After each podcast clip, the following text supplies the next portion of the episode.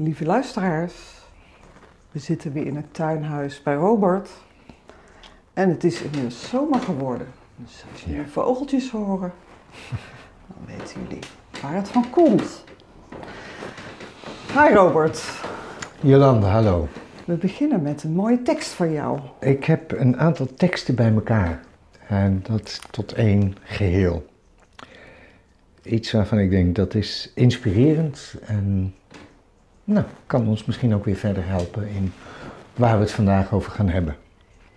Het zijn teksten uit, het zijn uitspraken van Tao en Zenmeesters. Dat is een beetje, komt uit dezelfde cultuur.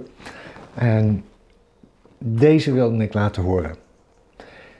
Zo ziet de ziekte van ons ego eruit.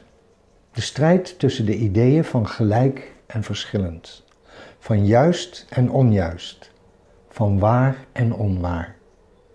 Daarom denken wij volgens dit stramien. Dat wat gelijk is aan mijn mening, daar ben ik voor. Dat wat niet daarmee strookt, daar ben ik tegen. Standpunten lijkend op die van mijzelf zijn waar, die ervan verschillen zijn onjuist.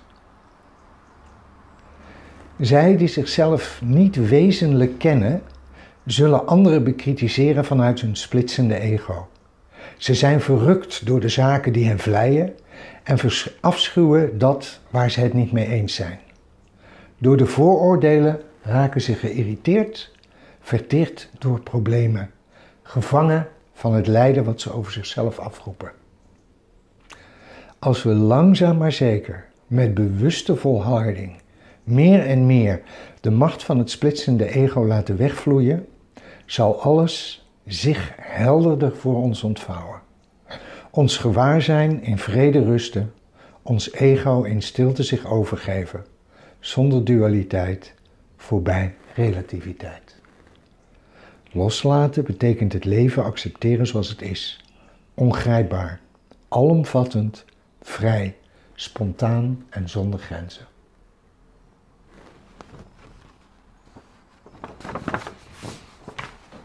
Wijsheid, Ja, Ja. een hoop wijsheid zit hierin. ja. Ja. En heel herkenbaar in deze tijd. Voor Heel mij. herkenbaar Voor- in ja, deze toch? tijd. Ja, zet de Ja. televisie maar aan of de media. Ja. Ja, meningen, oordelen. De een vindt dit en dan onherroepelijk roept dat iets op dat de ander het tegenovergestelde vindt. En dat leidt tot lijden. En dat leidt tot lijden. Ja, Ja, ja. Zolang alles om mij heen mij vertelt wat ik zelf geloof en waar ik, zelf, waar ik mijzelf goed bij voel, ziet mijn leven er prachtig uit. Maar ja, hoe vaak overkomt ons dat in het leven? ja. En al die andere eikels die je tegenkomt. Ja. ja. ja. Ik hoor steeds vaker mensen ook zeggen van, eh, ik weet niet of jij dat ook hoort, maar die dan zeggen van, ja, ik kijk maar niet meer naar het nieuws. Mhm. En als ik dan daarop doorvraag van, maar waarom niet dan? Ja, ik word daar zo ongelukkig van. ja. Maar dat vraag ik me dan af van, maar hoe zie jij dan jouw geluk? Hè, dat betekent dus, ik, ik schuif iets weg van wat ook gebeurt in de wereld, Mhm. om te kunnen blijven bestaan in een, in, een, in een wereld van mijn eigen makelij. Mhm. Dat is natuurlijk ook een beetje wat deze teksten zeggen. Mhm. Wij maken onze eigen werkelijkheid door onze innerlijke overtuigingen, door eh, steeds maar weer opnieuw te zeggen hoe het is. Ja. En daarmee creëren we dus, zoals de tekst ook zegt, ons eigen lijden. ja. Want misschien is het wel niet zoals wij denken dat het is. Maar ja. Misschien zonder misschien. ja. Ja. Misschien zonder We misschien. vermoeden dat het eh, wel. Ja, Ehm, Ja. ja. want anders was er niet zoveel lijden, strijd en, en polarisatie en zo. Hè? precies. Ja, dus je kan je afschermen daarvoor. Eh, Wat, wat zou jouw antwoord zijn? Op? Nou, op, op, op die, inderdaad die mensen die zich afschermen van het nieuws of, of, jouw Ik- vraag. kan Ik heb daar niet zozeer, ik, ik, ik heb niet zozeer een antwoord daarop. Ik denk, de, nou misschien is er wel een antwoord op. Het antwoord zou kunnen zijn, het je meer en meer bewust worden van hoe je zelf in een splitsing zit. Mhm. En je bewust te worden van dat op het moment dat je splitst, dat je dus ook de potentie tot lijden creëert. De potentie tot pijn creëert. Eh, het sterkste voorbeeld zijn natuurlijk oorlogen en strijd, Ja, waarbij dat heel duidelijk is. Eh, ik en de ander, en de ander denkt altijd anders dan ik. de vijand. En dat wordt dan Ja. uiteindelijk de vijand. Ja, Maar door een vijand te hebben, creëer ik dus onmiddellijk een innerlijke pijnlijkheid. En als dat, die strijd expliciet wordt, extern wordt, eh, eh, in de materie komt, ja, dan ga ik dus ook familie, vrienden, eh, ouders, kinderen eh, verliezen aan de strijd. ja. Toch is het een menselijke neiging. Het is Ergens. absoluut een menselijke Ja. neiging. Ja. Ja, we hebben nu natuurlijk net, de, de, de, net gehoord van Peter R. de Vries. Ehm, wat brengt me dan ook bij, wat, wat is de gedachte, wat zijn de, hoe werkt de geest van iemand die hem dus blijkbaar ziet als een, als een, als een soort, eigenlijk dus als een vijand die opgeruimd moet worden. Ja, Dat, dat, is, dat vraagt dus een bepaalde manier van denken. En dat, maar dat heeft zijn eigen pijnlijkheid. Ook de dader wordt door, door deze manier van denken, wordt ook weer slachtoffer. Tenminste, zeker nu, als ze opgepakt worden. ja, En als je, als je, als je hoort mensen die in de gevangenis zitten en die eh, gaan overdenken en, en werkelijk naar binnen gaan schouwen over, maar wat heeft mij gedreven om te doen wat ik gedaan heb? En zeker als het ernstige dingen zijn waar, waar mensen bij omgekomen zijn, dan, dan hoor je ook heel vaak dat ze achteraf zeggen, ehm, ook, ook werkelijk voelen dat, dat de manier hoe ze gedacht hebben, wat ze uiteindelijk tot die daad hebben geleid, hoe, eh, hoe hoog de lijdensdruk daar ook in was. Hoe, over hoeveel pijn ze ervaren hebben om uiteindelijk tot die daad te komen. ja. In de illusie dat dan de pijn zou oplossen. ja, een oplossing. Ja. Ja. Terwijl het in wezen dus een innerlijke splitsing is waar, waar het Hm. om gaat. Dat kennen we eigenlijk allemaal. Dat is een niet menselijke alleen de eigenschap. moordenaar of de, de, de aanslagpleger van, Ja. van Peter. Ja. En, en toch doen we het ook allemaal. Ja, Ja. ja. Dus eigenlijk, is dat iets menselijks, denk je? Ik denk dat de, ehm, wat vaak gezegd wordt ehm, eh, in, in eh, de boeken, de, de, ehm, ik kom even niet op de naam, maar ook in het boeddhisme, Er zijn eigenlijk maar twee basis eh, uitgangspunten van waaruit we kunnen leven. We kunnen leven vanuit angst en we kunnen leven vanuit liefde. Mhm. En dat is vergelijkbaar met we kunnen leven vanuit overvloed of we kunnen leven vanuit tekort. We kunnen kijken naar wat we hebben, we kunnen kijken naar wat we tekort komen. Mhm. Eh, het verschil is op het moment dat ik leef vanuit, niet vanuit tekort, maar vanuit genoeg. En ga kijken wat heb ik allemaal, dan daalt er een zekere rust in me. Als ik mij focus op wat ik niet heb, Mhm. en als ik mij focus op tekort, dan ontstaat er een verlangen om het te krijgen. Nou, als ik, als ik daaraan toe ga geven, nu kom ik in problemen. Want wat, wat nou als jij het wel hebt en ik niet? Mhm. Dan krijgen we jaloezie. Ja. Waar kan jaloezie allemaal niet toe leiden? Ah, kan leiden tot dadergedrag. Hè? Dat ik je iets aan ga doen Mhm. eh, om het te krijgen. Eh, kan, of het kan gaan stelen. Of, of het leidt tot slachtoffergedrag.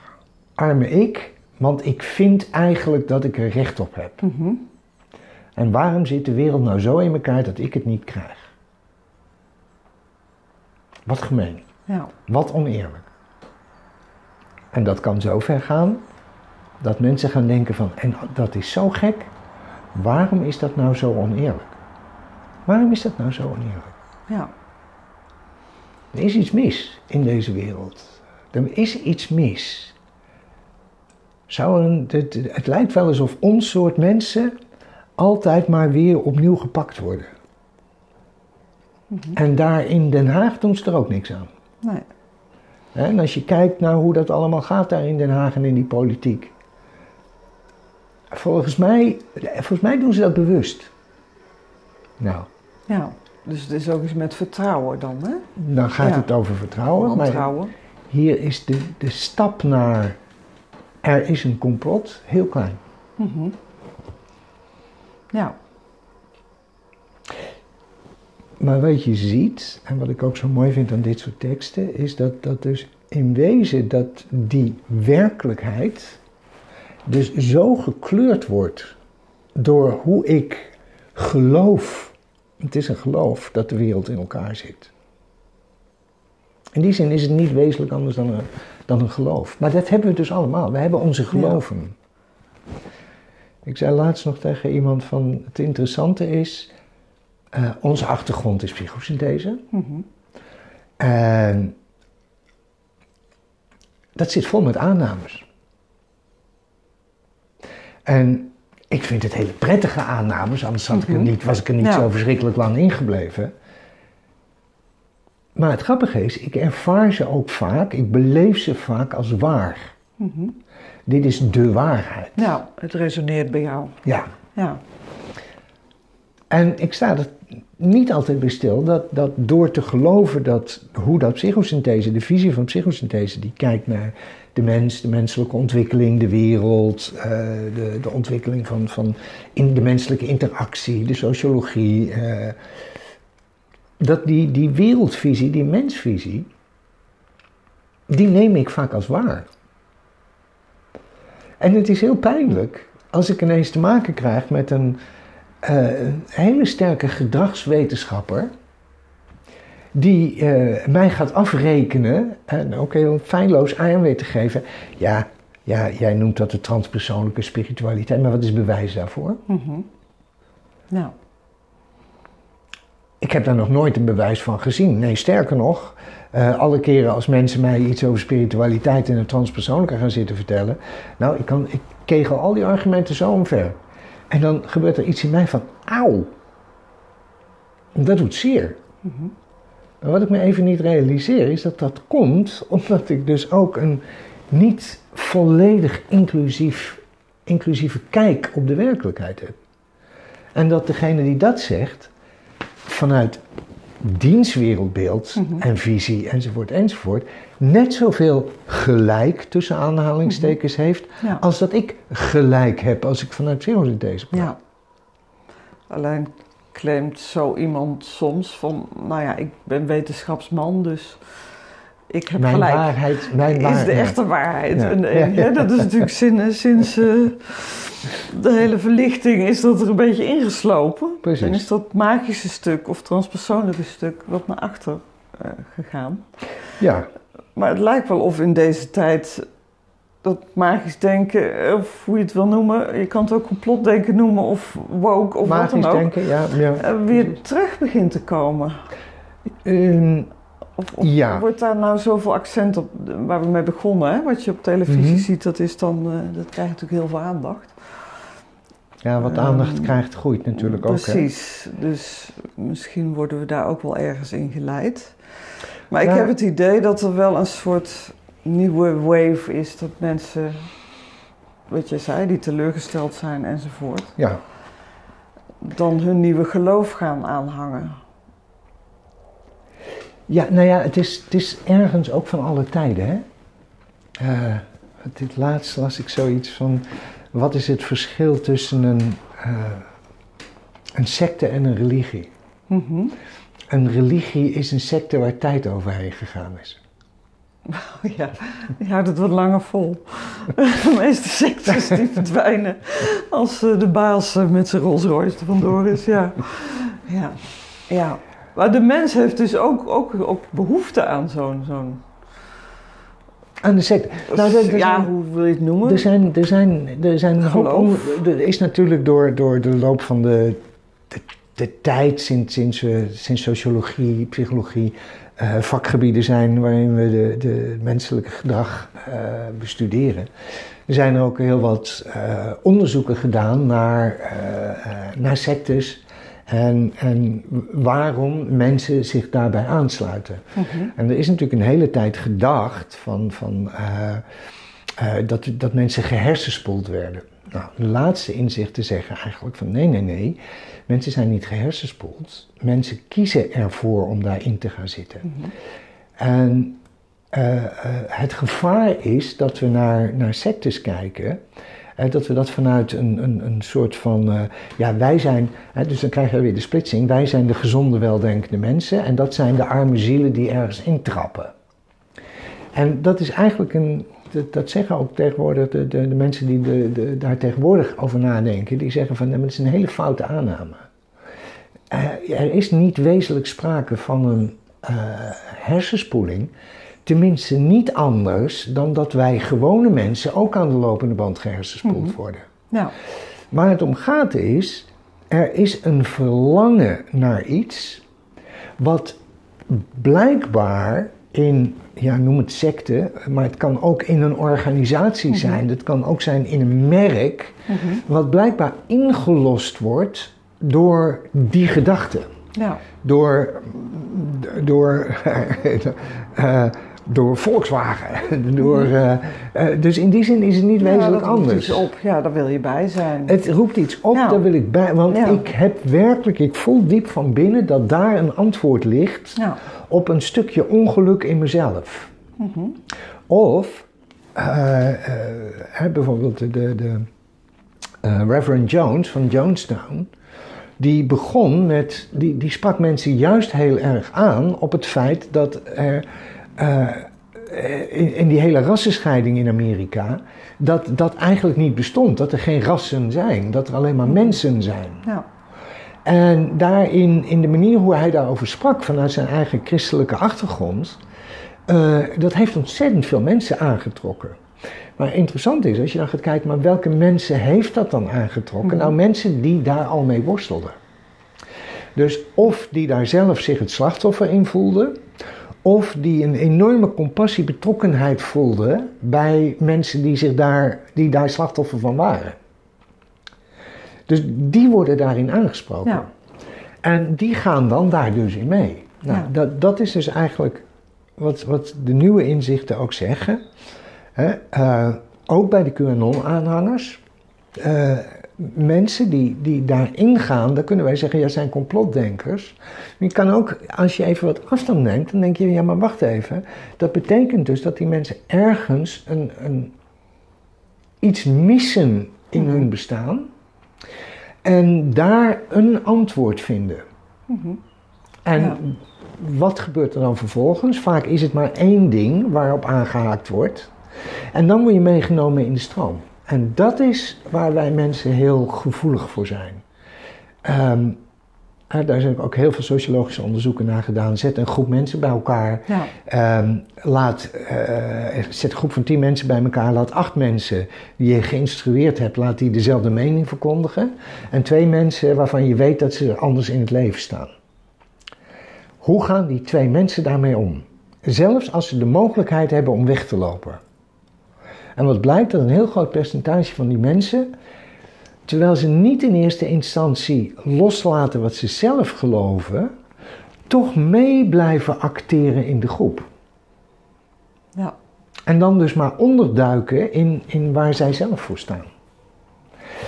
En, en dat is, uit onderzoek blijkt dat ook wel van, van mensen die, die in, in uh, die ergens bij gaan horen. En of dat nou scouting is of een secte of weet je, dat is allemaal maar uh, discutabel. Mhm. Of dat, dat is allemaal inwisselbaar. Waar het om gaat is, je gaat mee in, in, in de groepsband, in, in de groepspsychologie. En daar kan je dus verschrikkelijk in vastlopen. En daar kun je, dan kun je dus, als je hè, een secte zou ik willen beschrijven, dan is er één iemand of een groepje mensen die daar iets aan ontlenen. Die krijgen daar dus iets voor. Kan financieel zijn, kan seksueel zijn, kan verlangen naar macht zijn. Maar eh, er wordt iets gegeven aan de leider, de goeroe, eh, noem maar op. En die heeft daar dus wat aan. Maar de groep, die, die, die gaat mee in het gedachtegoed omdat ze, omdat ze een groep zijn. En heel interessant is dus ook dat, dat eh, hele mooie voorbeelden van eh, mensen die. Dus een, was een mooi voorbeeld wat ik las over een secte in eh, Amerika. Waar de leider zei van dan en dan en dan, dan komen de UFO's naar beneden en wij, wij weten dit en wij worden van de hemel, wij worden opgetild naar de hemel. En want de aarde zal vergaan met grote vloed, vloedgolven. En toen hebben ze dus daar boven op een berg gestaan en het gebeurde dus niet. En wat gebeurde was dat maar, maar iets van 30% van de mensen is toen weggelopen. Hm. Meer dan 60% bleef. Bleef geloven. Ja, Ja. en, en die, die hadden zoiets van: oké, maar dan is de tijdsrekening Ja, niet ja. helemaal goed geweest. ja. En eh, interessant, Interessant. Ja. interessant. Dus, dus uiteindelijk, die, die, die groep is uiteindelijk wel uit elkaar eh, gevallen. En, en eh, de vragen die gesteld zijn aan de mensen die dan uiteindelijk dan toch van ja, jaren later. Zo van ja, maar wat, wat, wat heeft je nou doen besluiten om erbij te blijven? Mhm. eh, was eigenlijk het antwoord omdat het gaf mij hoop. Hm.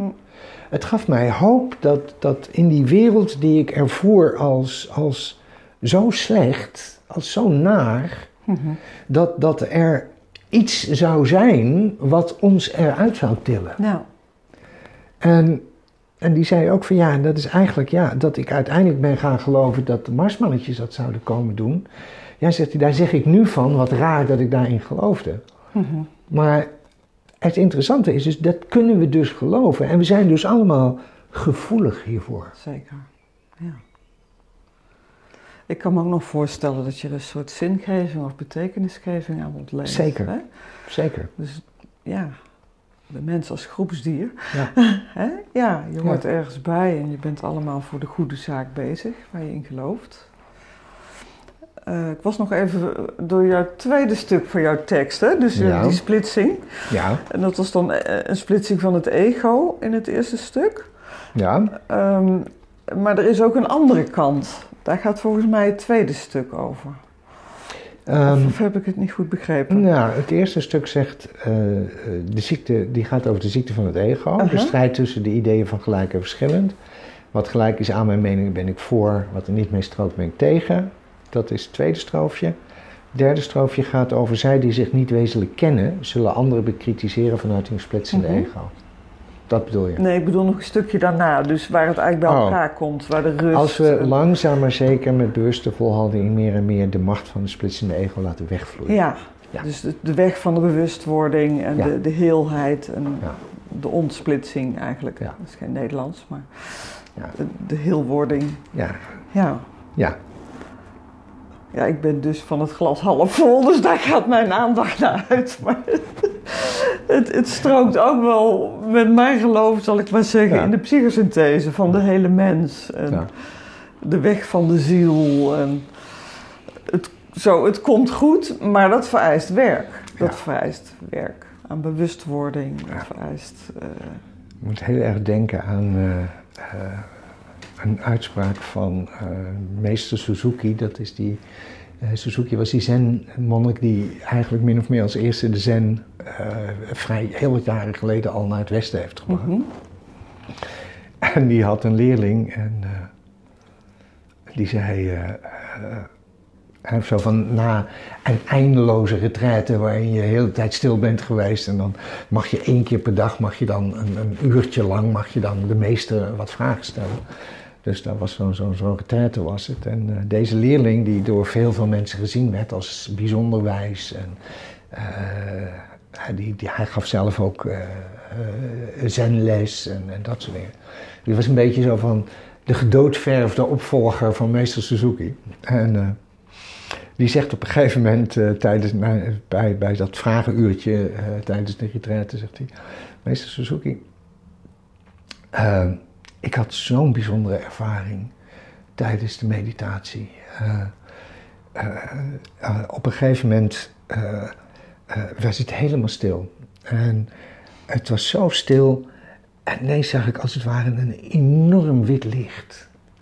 En dat witte licht, dat, dat in, in, in- in mijn beleving, dat, dat, dat kwam helemaal door me heen. Door ieder, in iedere cel van mijn lichaam. En, en plotseling realiseerde ik mij dat dat witte licht niet alleen in mij en in al mijn cellen zat, maar het zat in alle mensen om ons heen. En het was in, in de hele, eh, de, de, de hele sangha zat het. Eh, Maar niet alleen dat, het zat in de hele wereld. De hele wereld bestond uiteindelijk uit een enorm licht wat alles met elkaar verbindt.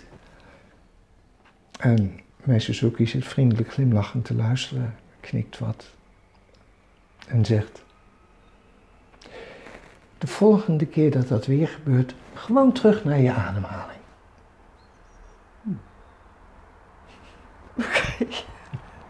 Wat een anticlimax. Ja. en niet. Nee. Want wat hij eigenlijk zegt is dat zelfs, wees, wees alert. Mhm. Want zelfs als ik, als ik ga naar, ja maar alles is één, Mhm. Zelfs dan moet ik heel alert zijn. Is dat wezenlijk, heb ik daar wezenlijk contact mee? Of is dat een fijn gevoel? Mhm. Want als het een fijn gevoel is, betekent dus dat er een onfijn gevoel weggeduwd is. Mhm. En dan is er nog splitsing. En dan, is het, dan Ja. wordt het dus een nieuwe splitsing. Ja. Dat, dat, dat maakt het zo tricky. Ja. Dat maakt het zo tricky. Ja. Dus, dus mijn persoonlijke ervaring is, is dat, dat, dat ik er momenten, fracties van momenten, even een flart heb ervaren Mhm. van, van wat het betekent om, om uit de gespleten wereld te zijn, om uit de, ehm, ja, om in, in het geheel de punt te zijn of zo maar. Mhm. Maar dit, dat is heel kort. Ja. Want in no time wil ik het vastpakken. In no time wil, eh, ga ik zeggen, dit is het dus. Mhm. En op het moment dat ik het zeg, dit is het dus, heb ik het dus alweer gemist. Ja. Is alweer voorbij. Want dan ben ik dus weer iemand die het weet en is iemand anders degene die het niet weet. Klopt. Heb ik het dus alweer gecreëerd. Ja. Dus, weer de andere kant van de medaille die, die heel klein is, ja. dus dit, dit is zo... En dat begrijp ik. ja, dat herken, herken ik ook. Maar ik herken ook dat op de weg van de bewustwording ehm, die strijd, en vooral innerlijke strijd, maar soms ook uiterlijk, Ja, dat, dat de rust daar wel opkomt. Omdat ik mezelf beter ga zien en completer en Ja. Zelfliefde heb ontwikkeld en mezelf kan omarmen. Want het- die strijd begint natuurlijk bij jezelf. ja. Dat heeft mij echt geholpen. ja. En het is Dus zeker ik zo... zit niet op de wolk of zo, Nee, maar nee, nee. er zit nog een tussenweg Ja, ja. Hè, van, Ja, van de polariteit naar, naar één. Ja. Nou, het is zeker zo als, als ik, naarmate ik mijzelf en mijn eigen eh, splitsende ego, hè, zoals het daar genoemd Mhm. wordt, eh, maar dus mijn eigen manier van, van hoe ik dingen disqualificeer, hoe ik ehm, van zelfliefde ga naar eh, eigen belang, Mhm. om het zo maar even te noemen. Ehm, eh, hoe meer ik mij bewust word van dit soort dingen, hoe meer ik mijn eigen gebrokenheid, om het zo maar even te noemen, Mhm. zie. En dat levert mij in ieder geval op dat ik eh, veel meer begrip en compassie voel voor de ander die ook gebroken is. Die ook, ook splitst, die eh, misschien een, een totaal andere, andere mening en een totaal ander beeld over de werkelijkheid heeft dan ik. Ik kan daar beter naar uitreiken naarmate ik meer zelf in de gaten heb dat ik dat ook heb. Mhm. En dat mijn heilige, heilige waarheid, eh, eh, dat, dat, dat de ander ook een heilige waarheid heeft. Mhm. En dat die net zoveel recht heeft op die heilige waarheid als dat ik heb op mijn heilige waarheid. Daar gaat het om. Kan, kan ik de ander ontmoeten ook als die dingen vertegenwoordigt in mijn werkelijkheid als datgene waar ik niks mee wil. Ja. Waar ik een hekel aan heb. Ja. Waar ik niet van hou. Mhm. Wat ik lelijk vind. Belachelijk vindt, ja. Ja. Slecht. En dat zeg je niet. Ja. Ja. Ja, dat is ook wel een dagelijkse oefening voor mij ook, merk ik. Dat is het ook. Hè? Dat herken jij ook waarschijnlijk ja. wel. Ja. Ja. Want je duikt er heel snel weer in. Nou ja, als je op een Eh, terras gaat zitten met een, eh, met een drankje en je zit met wat mensen, Ja. de, de meningen over de rest van de wereld Geen vliegen je om je oren. Ja, ja. En aan de lopende band wordt die gedisqualificeerd en die gedisqualificeerd en die deugt niet en die is fout bezig. En, ja. ja, Waar zou je dan beginnen? bij jezelf, Ja. Zei hij heel snel. Ja. Het begint bij jezelf. Het begint bij, en di- dit is waar meditatie essentieel, essentieel is. Het observeren van, van mijn eigen gedachten, emotionele stromingen, fysieke, in, al die energieën die, die in mijn binnenwereld zitten, die kan ik observeren. Door eruit te stappen en het, en het te observeren. En dan kan ik ze gaan herkennen. Dan kan ik mijn eigen hang-ups gaan herkennen. En dan kan ik er met mildheid naar kijken. En als ik met mildheid naar mezelf kan kijken, leer ik tegelijkertijd met mildheid naar anderen kijken. Maar die kunst, de, de, de, essentie zit hem in, in het hier en nu. Leren zien hoe mijn binnenwereld werkt. En dan niet in mee, Mhm. Maar juist leren disidentificeren. Ja. Ik heb emoties, gedachten en gevoelens. Ik ben ze niet. Ik ben puur bewustzijn. Kan ik daar eventjes, eventjes blijven? In die stilte van puur bewustzijn in het hier en nu. En dan kan ik gaan zien. Dan kan ik gaan zien hoe dat alles in mij mij daar juist weer weg wil halen. Eh, want ik ben een bang mens. Mhm. Ja. Zoals wij allemaal. Mooi, ik word er stil van. Ja. ja. Ja. Ik zat toevallig voor, was het? Twee weken terug heb je het programma van de verwondering. ja. Daar was een eh, boeddhistische man. Ik geloof dat hij Kung Lu heet of Kung Su. Ja, Ken die, die? de Vietnamees. Vietnamees. Ja. Nou, heel verhaal. Lang verhaal kort. Hij werkt in gevangenissen. Nog Ja. even terugkomend op Ja. jouw... eh. Ja, hij loopt daar door die gangen en, en hij kijkt iedereen aan en is heel stil. En mensen komen op hem af en die zeggen, jij ziet mij. En, en dat is zo fijn, want ik ben meer dan eh, De, dader, die, de waarom, waarom ik waar we hier... het net ja, over hadden.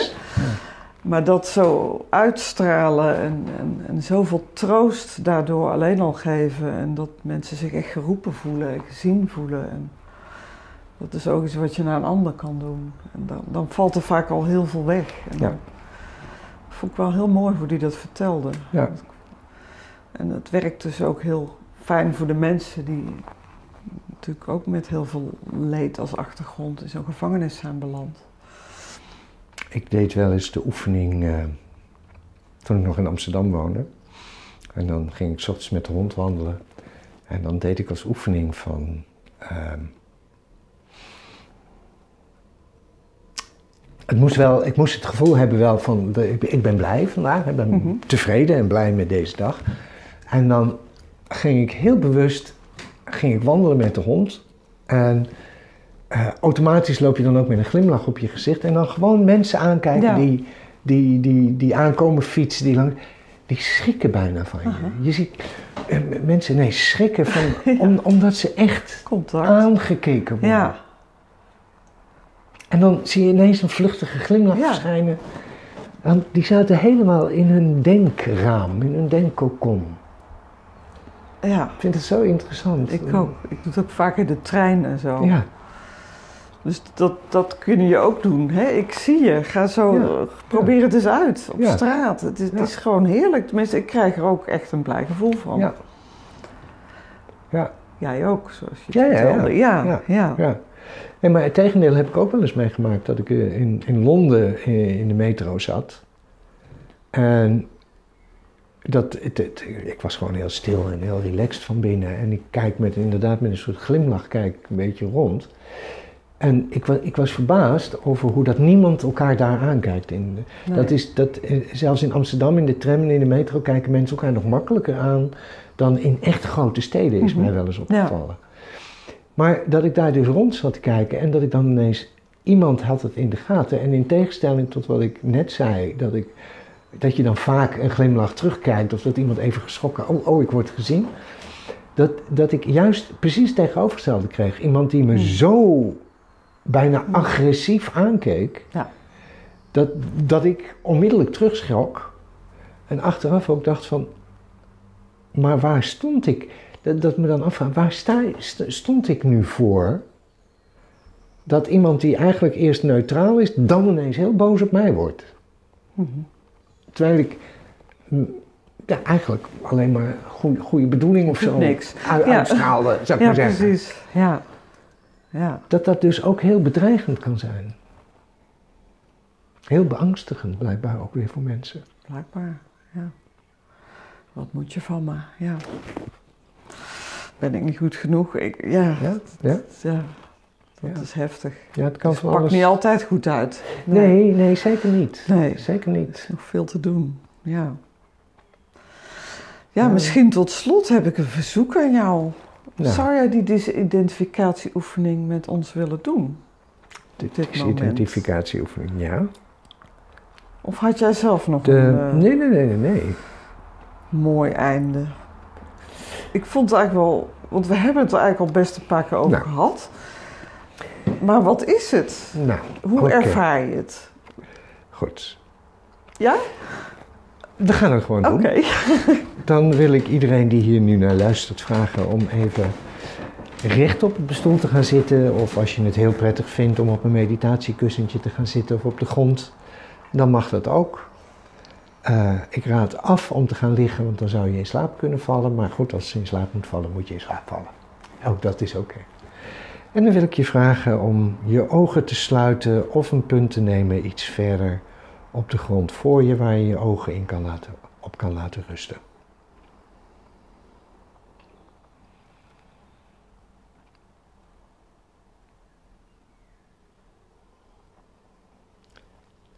En dan wil ik je vragen om eens met je aandacht te gaan naar je lichaam.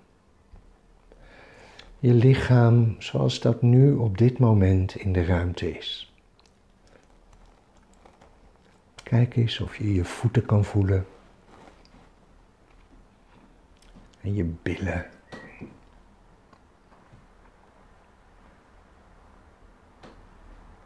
Kijk even of je de onderkant van je lichaam even bewust kan zijn. En als je kleine bewegingjes daarbij moet maken, dan mag dat op jouw manier. Als je zo even bewust bent geweest van je onderlichaam, ga dan even iets naar boven. Naar je rug, je schouders. En wees je daar eens bewust, zit daar spanning? Draag je het een en ander op je nek? Mogen je schouders ontspannen zijn?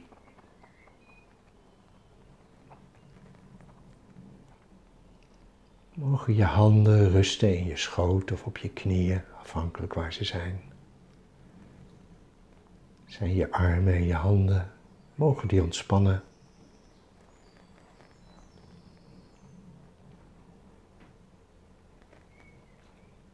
En schenk dan ook even aandacht aan je hoofd en je gezicht. Kijk even, is je gezicht ontspannen? Rusten je ogen in de kassen. Is je kaak ontspannen? Klem je juist je kaak op elkaar? Ligt je tong ontspannen in je mond?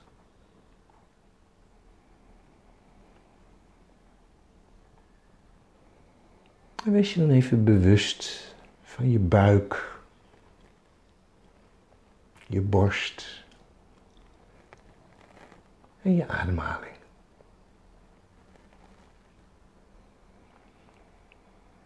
Wees je voor een moment bewust hoe het in jou ademt. Ademhaling gaat automatisch in en uit. Hoef je geen extra moeite voor te doen.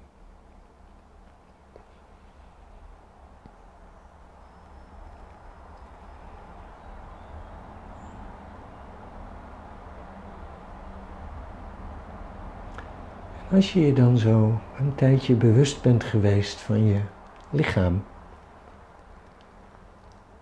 zeg dan van binnen, ik heb een lichaam en ik ben meer dan mijn lichaam.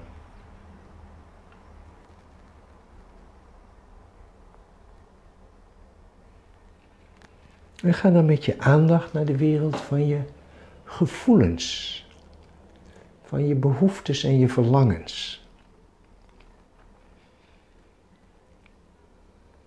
Waar heb jij op dit moment in jouw, in jouw leven behoefte aan? Wat verlang je? Wat zou je willen allemaal?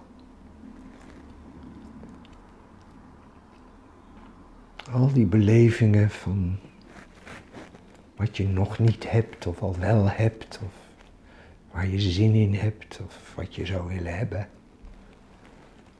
Als je zou willen dat gebeurde.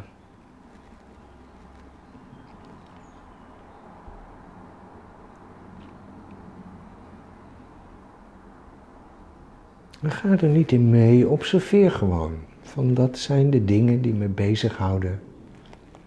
Als het gaat over wat ik zou willen. Waar mijn behoeftes en verlangens liggen.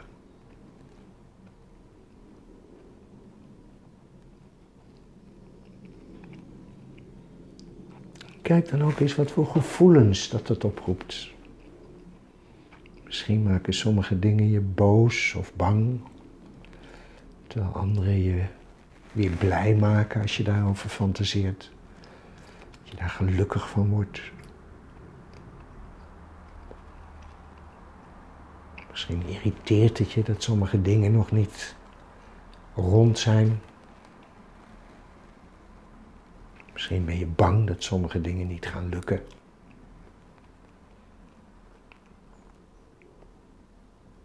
Kijk zo eens in die wereld van behoeftes, verlangens, emoties, gevoelens.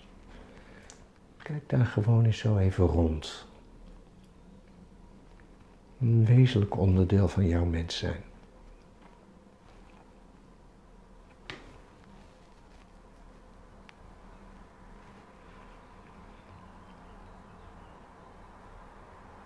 En als je daar dan een tijdje zo vertoefd hebt, zeg dan even van binnen tegen jezelf. Ik heb gevoelens, emoties, behoeften en verlangens. En ik ben meer dan mijn gevoelens, behoeftes en verlangens.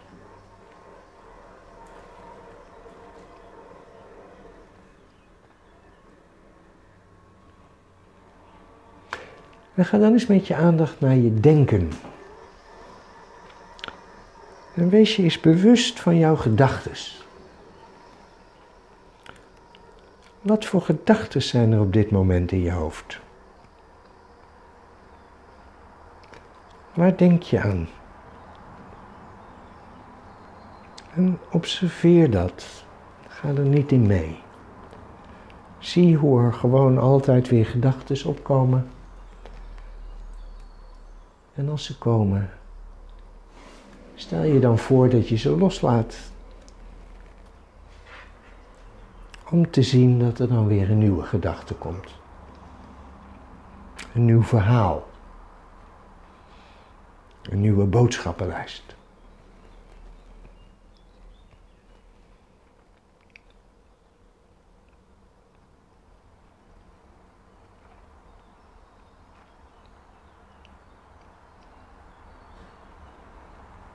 En waar je nu aan zat te denken, laat het los, laat gaan. Als een ballonnetje de lucht in.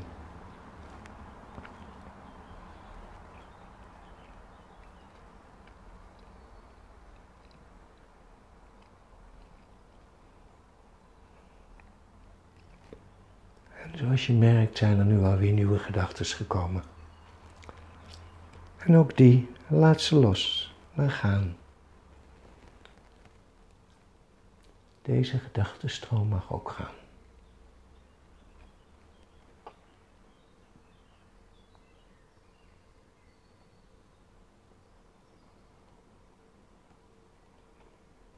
En ook deze gedachten die nu kwamen, kunnen weer gaan. En zie hoe ze misschien helemaal niets met elkaar te maken hebben.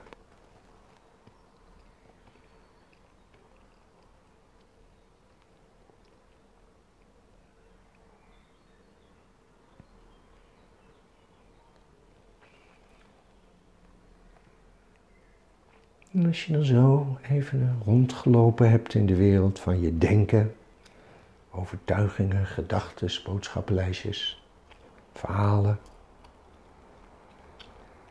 Zeg dan eens van binnen tegen jezelf: Ik heb gedachten, ideeën, overtuigingen, visies.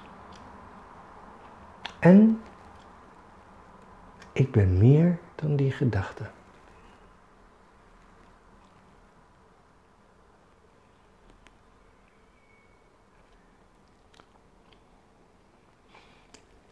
En dan als laatste stap in deze oefening vraag je eens af, wat heeft deze oefening gedaan? Wie is dat die zich bewust was van het lichaam, gevoelens, emoties en van gedachten? Kijk eens of je daar even kan zijn. Dat punt van puur bewustzijn van observeren. Kijk eens of je daarbij kan zijn. Dat wat het lichaam voelt, de emoties en gevoelens ervaart, het denken kan zien. Wat is dat? Kan ik daar even in zijn?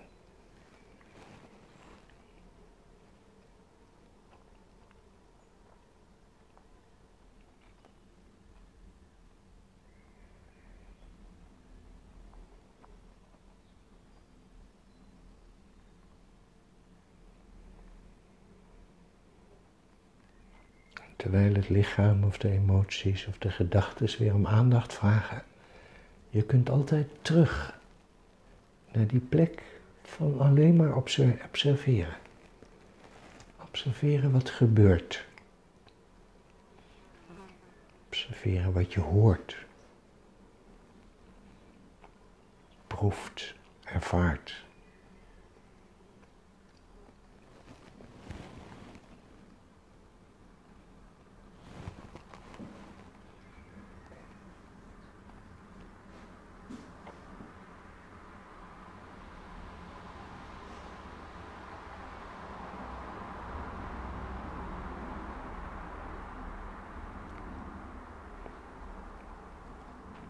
En dan wil ik je vragen om je weer bewust te zijn van je lichaam hier in de ruimte.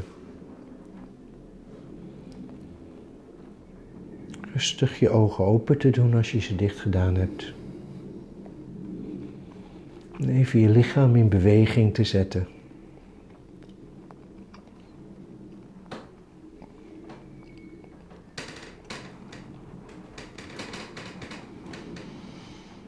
Zo.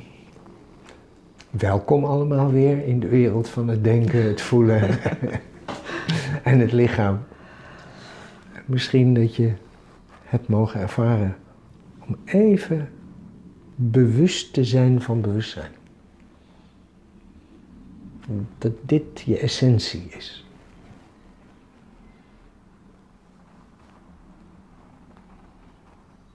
En soms als je deze oefening doet, zak je er doorheen.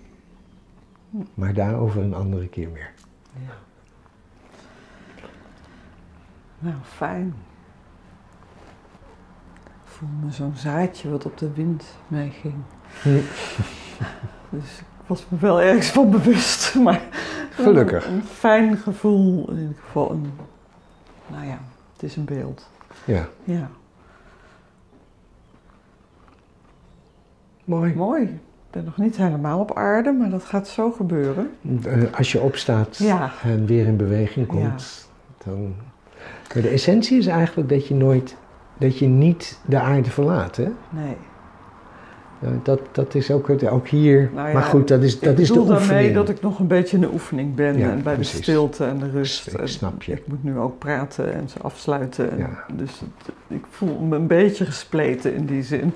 Dat ik nog wat langer zou willen zwelgen in die staat van zijn waar we net zo'n beetje in Het prettige is dat de luisteraar kan nu het knopje uitzetten en nog even een tijdje erin doorgaan. Precies. We sluiten stil af. Precies. Dankjewel, Robert. Dankjewel, Jolanda.